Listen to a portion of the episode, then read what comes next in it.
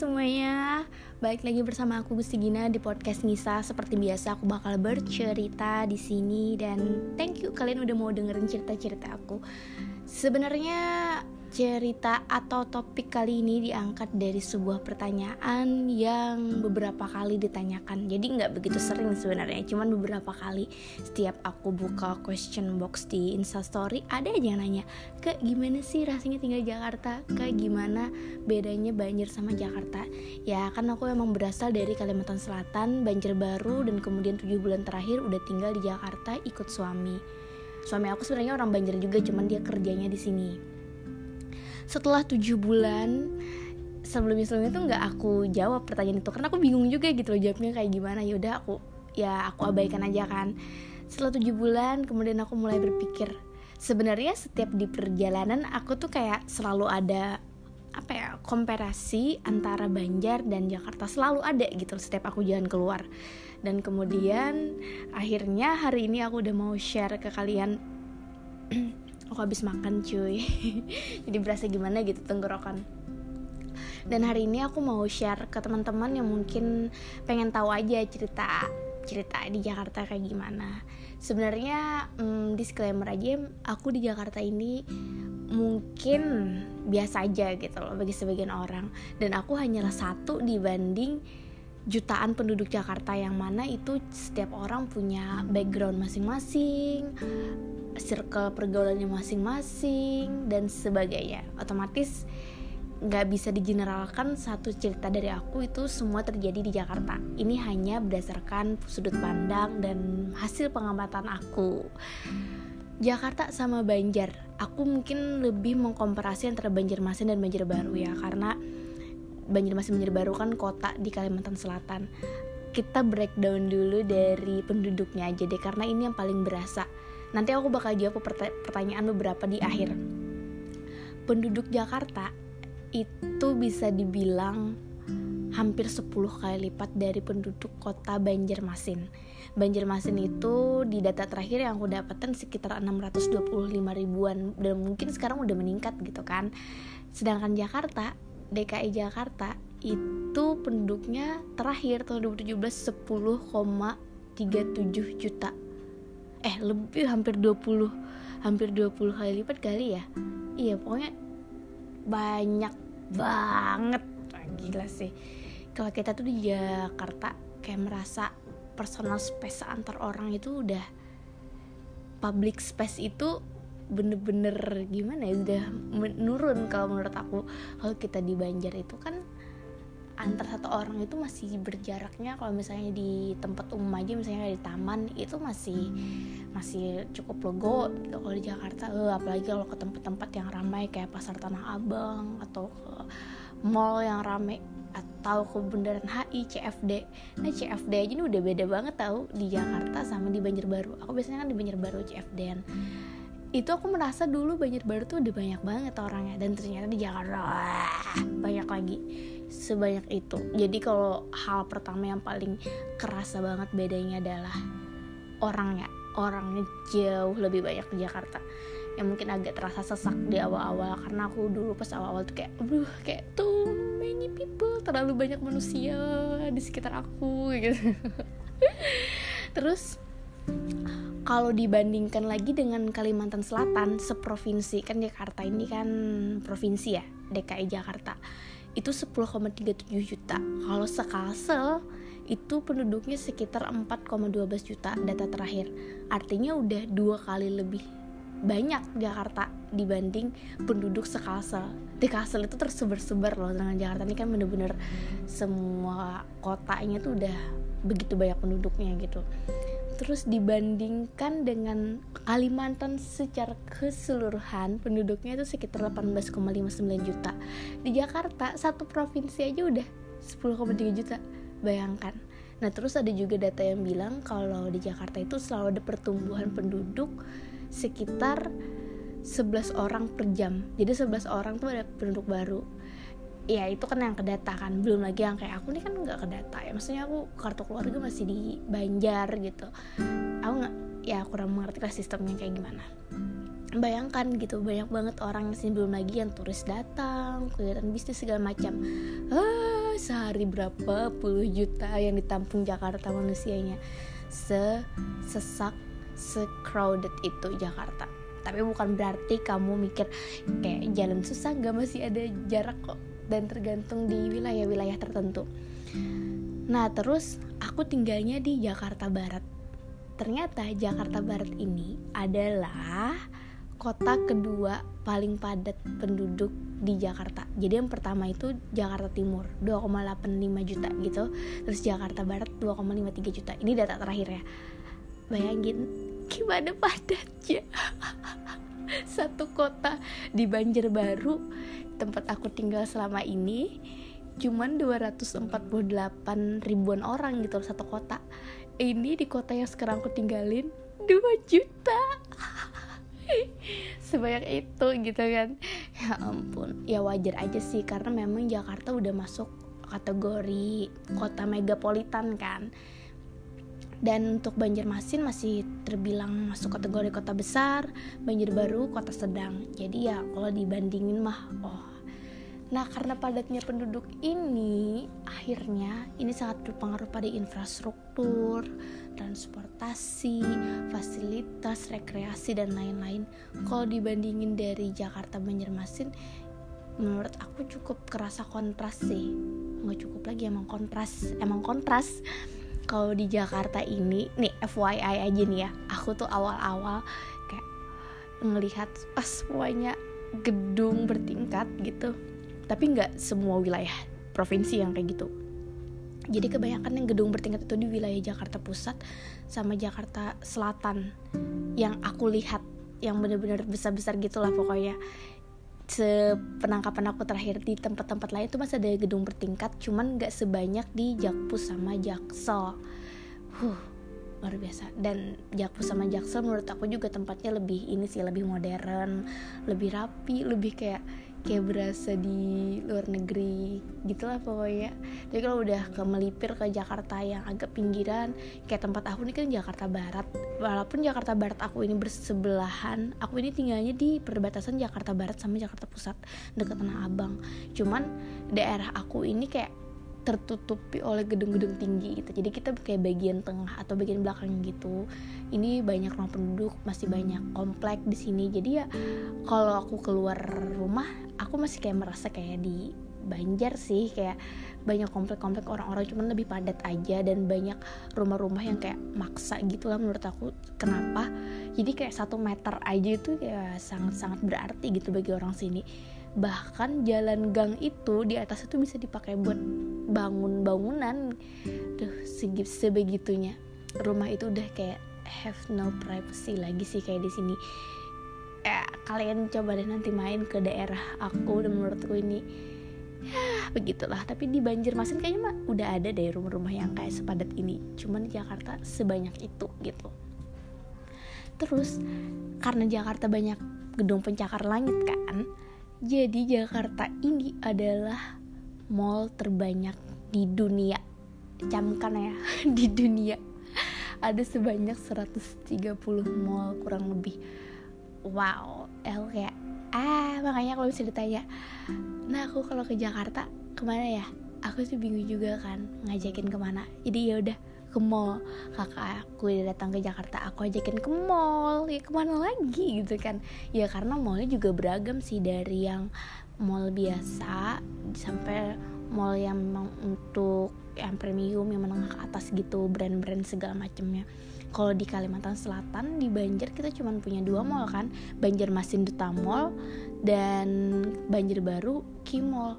Kalau misalnya kamu yang udah sering ke mall di Jakarta dan terus ke mall Banjar tuh kayak berasa lagi kayak lagi Kimol ya lagi Kimol Banjar baru tuh kayak berasa so small.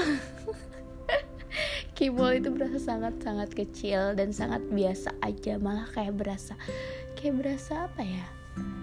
Berasa hmm, pertokoan aja gitu rasanya. Cuman akhirnya kan Kimol sekarang udah satu tahun terakhir ya? Satu tahun apa dua tahun ini udah ada bioskop jadi lumayan lah kalau Duta Mall kan akhir-akhir ini juga sedang berkembang banget kan ada udah Transmart dan aku terakhir ke sana bulan April kemarin pas balik ke Kalsel agak kaget juga sih kayak wow udah Mall improve banget gitu loh jadi lebih besar lebih bagus dan sudah ada Transmart Trans Studio dan lain-lain. Tapi kalau misalnya dibandingkan dengan Mall-Mall Jakarta ya ya begitulah. Berbeda. Jadi memang apakah ini bikin kita tidak keren gitu ya kan. No no. Sama sekali enggak. Kenapa?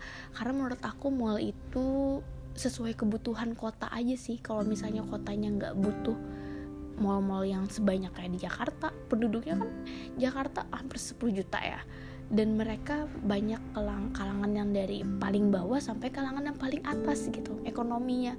Jadi ya memang dibutuhkan mall yang beragam beragam dari segi kos ekonominya gitu kalau menurut aku. Jadi emang belum tentu brand-brand besar di Banjarmasin bakal laku yang brand-brand premium. Karena ya kebutuhan masyarakatnya balik lagi sih ke situ. Aku bukan orang ekonomi yang ngerti banget soal ini cuman ini cuman opini aku gitu loh cuman pandangan aku doang sih. Terus oh ya aku baru tahu juga enggak tahu baru inget aku udah tahu cukup lama sih. Di Gambut itu di perbatasan Banjir Baru sama Banjarmasin ada masih ada Kabupaten Banjar ya di daerah Gambut tuh mau dibikin ini kan mall baru kan di Galeria Mall. Yang nggak tahu sih kapan selesainya. Cuman itu bisa jadi hmm, alternatif baru aja buat kita jalan-jalan di Banjar nantinya. Terus transportasi yang berasa banget juga di Jakarta ini sangat beragam. Kalau aku di Banjar dulu aku bener-bener memakai transportasi pribadi. Mungkin teman-teman yang di Kalsa juga gitu kan. Kita lebih suka naik motor sendiri mobil sendiri. Karena memang jalanan eh, cepet gitu loh kita nggak perlu macet-macetan. Nah ini Jakarta emang macet-macet banget cuman nggak seluruh Jakarta. Jadi ada memang titik-titik tertentu yang ramai macetnya kayak Tombang Tanah Abang Jaksel tuh. Udah di sana tuh udah deket Semanggi segala macam udah macet. Nah kalau di Jakarta otomatis butuh banyak alternatif transportasi apalagi buat orang-orang yang bekerja kan kerja kantor mereka di buru waktu segala macam. Jadi banyak lah gitu. Ada KRL MRT LRT ojek online tentunya Transjakarta. Nah aku jujur baru pernah nyobain KRL sama Transjakarta ojek online gokar udah gitu aja. Kalau LRT MRT aku belum nyoba sih karena aku juga belum ada kepentingan buat naik itu.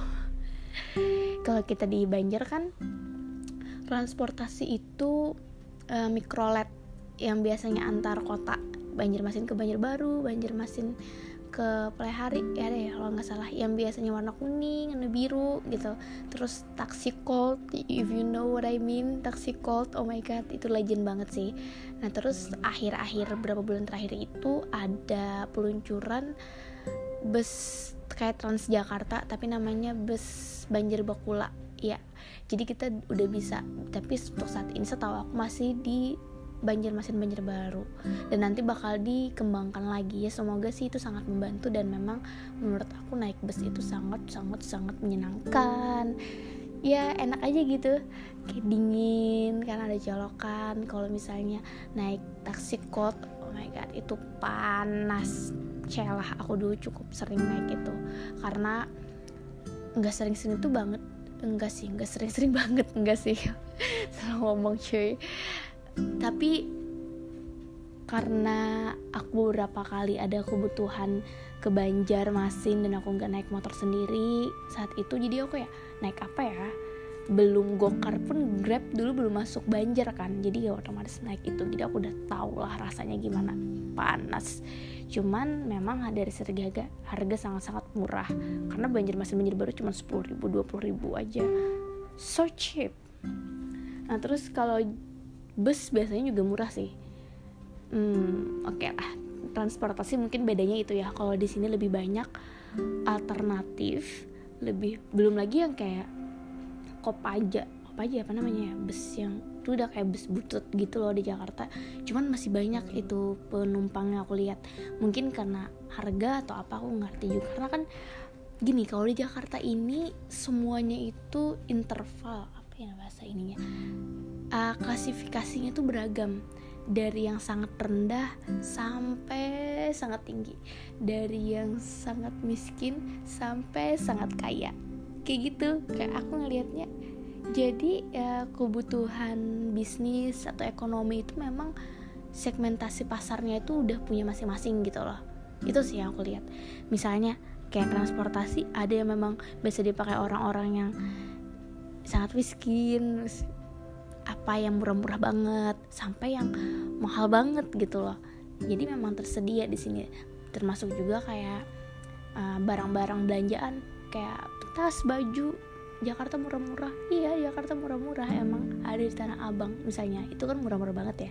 Terus Jakarta belanjanya mahal-mahal. Iya emang ada yang mahal-mahal. Itu di mall. Kalau kamu ke mall terus kamu beli barang yang branded ya mahal pasti gitu kan. Karena memang uh, kelas ininya tuh sangat beragam. Dari yang paling terendah sampai tertinggi itu ada gitu. Itu sih yang kulihat dari Jakarta terus di rasa-rasa lagi kalau menurut aku Jakarta ini lebih gimana ya secara hmm, apa ya kayak ngerasa menurut aku tuh di sini berasa kayak diburu waktu gitu loh. Aku ngerasa kayak gitu. Kalau misalnya di Banjar itu santai aja gitu sehari tuh santai nikmatin entah kenapa kalau aku tiap jalan keluar aku ngerasa diburu waktu. Cuman aku seringnya di kamar aja kan nggak ke mana-mana. Kali keluar kayak aku ngelihat orang-orang. Semua itu kayak diburu waktu. Ya akhirnya ini juga sih yang bikin produktif mereka. Terus aku lanjut ke jawab pertanyaan aja deh.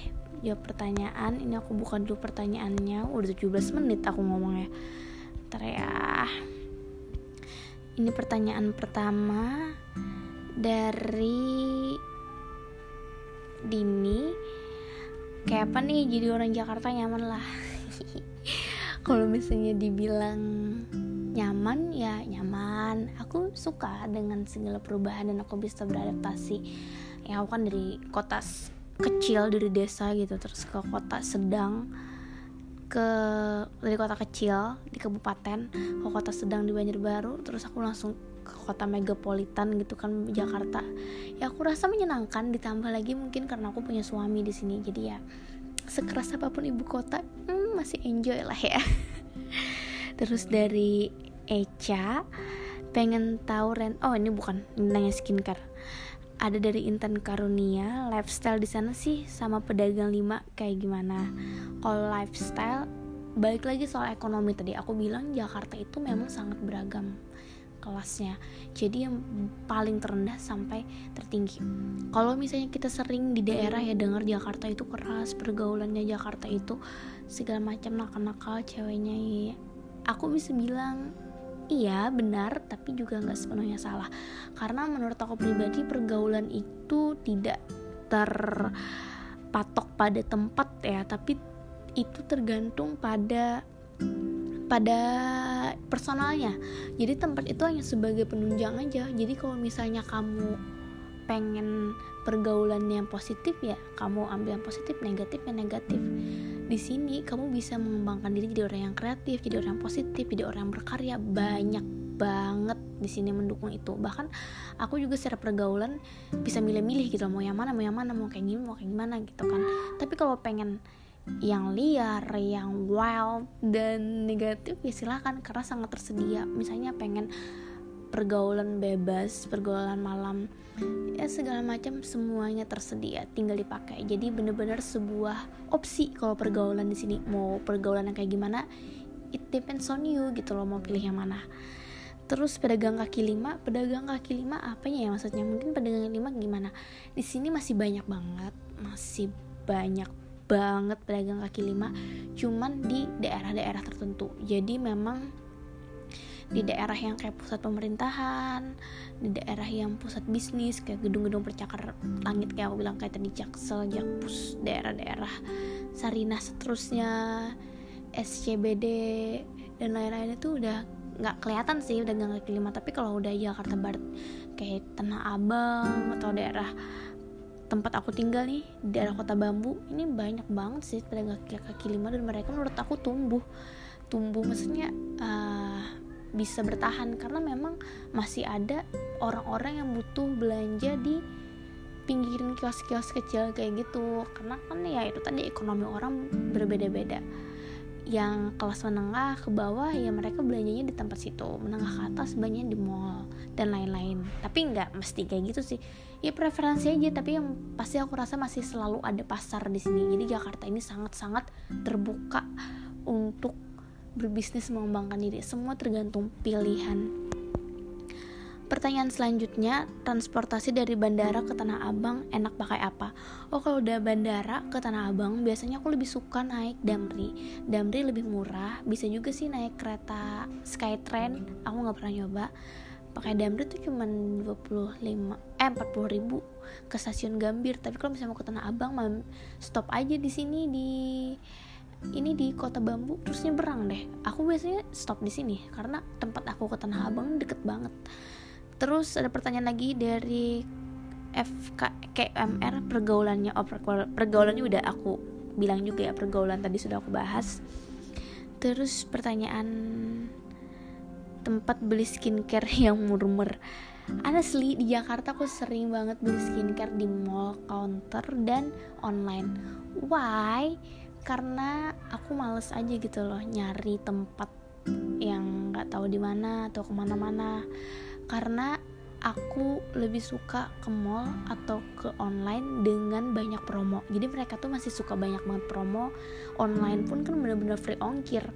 Biasanya kan subsidi dari aplikasi itu 20 ribu. Tapi karena kita di Jakarta ongkir itu cuma 9 ribu per kilo. Akhirnya free ongkir. Dan kalau ditanya murah aku ada jalan ke pasar baru kemarin terus aku lihat kayak ada pedagang kaki lima gitu ada toko yang jualan makeup skincare tuh murah banget sih murah banget sih. Ya setelah aku cek ya tentu aja itu fake fake. Jadi yang penting belilah selalu yang ori. Skincare itu aset tuh masih aja ngebahas beauty. Lanjut pertanyaan dari Ridani Kayaknya enakan hidup di Banjar, apalagi suasana di hulu sungai dapat barabai, nature banget, adem. Orang barabai dan ya. Uh, iya sih kalau menurut aku secara well-being itu lebih enak di Banjar karena mungkin karena kebiasaan kita orang Banjar tuh lebih suka yang tenang, santai gitu kan. Kalau di Banjar itu ya begitu juga gitu loh, lingkungannya pun begitu, bikin kita semakin santai sedangkan Jakarta ini ritme hidupnya tuh kayak pak pak pak pak pak pak, pak kayak gitu loh kayak sangat cepat gitu.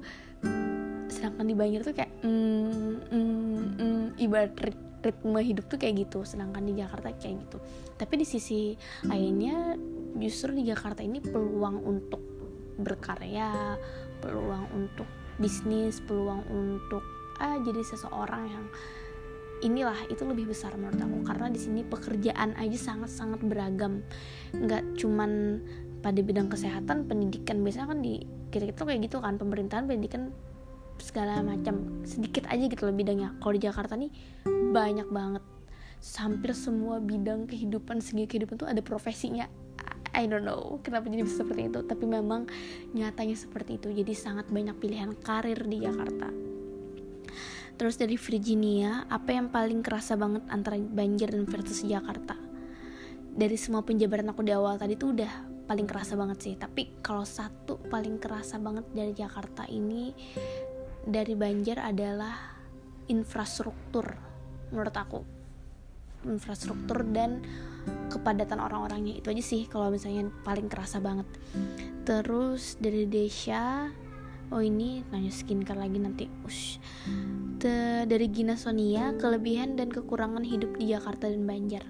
Kalau dibilang kelebihan kita ke Jakarta dulu.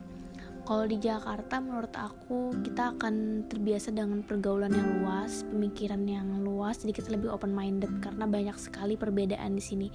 Perbedaan itu bener-bener beragam, ibarat warna tuh nggak cuma merah kuning hijau, tapi ada merah tua, merah merah apa ya marun gitu merah muda merah pusya pink segala macam jadi satu warna tuh udah banyak banget gitu ibaratnya ya jadi itu membuat kita semakin kreatif terus yang kedua kehidup kelebihannya adalah kesempatan berkarir di sini lebih luas, lebih banyak pilihan. Yang ketiga, di Jakarta, hidup di Jakarta apa aja yang kita mau, apa aja yang kita pengen itu tersedia. Tersedia. Jadi kayak tinggal kita aja bisa-bisa gitu loh. Tinggal aja kita bisa-bisa nyari dan bisa-bisa memanfaatkannya. Terus di Jakarta kelebihannya apa ya lagi ya? Ya itu aja sih kalau dari segi ekonomi mungkin lebih cepat berkembang kalau misalnya benar tapi kalau misalnya sulit juga bertahan di Jakarta ya ya berakhir dengan sedih sih karena kan ibu kota keras nah kalau kelebihan di Banjar sekarang kalau di Banjar itu lebih tenang lebih damai dan kedua biasanya kita karena orang Banjar lebih dekat dengan keluarga. Jadi kalau misalnya ada ada apa-apa tuh kita mudah gitu loh minta bantuan atau segala macam. Misalnya nih mau melahirkan tiba-tiba tengah malam gitu kan. Kalau di Banjar kan lebih ada keluarga yang dipanggil kalau di Jakarta siapa? Oh iya kalau di Jakarta ini juga kelebihannya adalah uh, fasilitas semuanya itu lengkap termasuk fasilitas kesehatan jadi rumah sakit itu ada khusus rumah sakit jantung rumah sakit penyakit dalam rumah sakit mata segala macam. Kalau di Kalimantan Selatan masih kurang kan ya. Jadi makanya memang kalau misalnya pasien-pasien yang butuh perawatan intensif dan lebih lanjut dikirimlah ke Jakarta. Jadi menurut aku udah itu tuh semuanya tuh ada di Jakarta. Selain itu kelebihan hidup di Banjar nggak macet itu sesuatu banget sih. Kita bisa berangkat dari Banjarmasin ke Banjarbaru dengan jarak cuma sekitar jarak tempuh sekitar 30 sampai 40 menit. It's amazing. Kalau kita di Jakarta ah dari Jakarta Barat aja tempat aku nih mau ke Jaksel kadang 1 sampai 2 jam. Itu pas ramai lancar. Bayangin pas macet total gila 3 jam aku pernah ke Jaksel padahal nggak begitu jauh cuman berapa kilometer gitu loh. Terus kekurangan. Kekurangan hidup di Jakarta yaitu di terlalu banyak orang. Mungkin bagi sebagian orang yang nggak terlalu suka keramaian nah ini mengganggu. Terus yang kedua rentan stres. Terlalu banyak hal yang beragam terlalu banyak kompleksitas dalam hidup kita itu semakin meningkatkan stresor. Ya begitulah. Makanya orang Jakarta sekarang menurut aku kulihat mereka tuh sangat concern gitu loh sama isu mental health. Ya karena mereka ngerasain coba kalau kita di Banjar aku lihat orang ya ya udah amat santai-santai aja kan. Maksudnya semua orang kayak feel normal gitu loh. Karena ya ritme hidupnya lebih mudah dan tidak sebegitu banyak stressor seperti di, di Jakarta. Terus kekurangannya di Jakarta kalau biaya harta atau properti itu mahal. Jadi kayak bikin rumah kecil rumah kecil banget kayak berapa berapa meter kali berapa meter nggak sampai belasan yang aku tahu. Itu temanku ada yang kerja di bank itu udah satu miliaran gitu loh. Sedangkan kita di Banjar kalau misalnya satu miliar itu udah bisa bikin rumah gedong udah bisa bikin rumah bertingkat berpagar dan mewah gitu loh. Ya itu sangat-sangat kontras. Dan sini kan orang juga banyak tinggalnya di kos atau enggak di apartemen. Kos aja juga terbilang mahal di sini kos aku nih sama suami ngekos kan. Kita nggak nyewa apartemen karena kos kita ini udah lumayan banget sih sekitar 2 jutaan gitu. Tapi udah dapat kamar mandi dapur dan kamar. Dan deket juga ke kantor dia. Tapi kalau apartemen itu start dari 3 sampai 4 3 sampai 5 juta. Itu yang studio dan itu belum lagi biaya ini biaya itu biaya parkir biaya kebersihan biaya listrik banyak lagi. Jadi lebih baik ngekos aja sih. Lagian kami juga berpikirnya untuk saat ini ya nggak tahu lagi ke depannya gimana.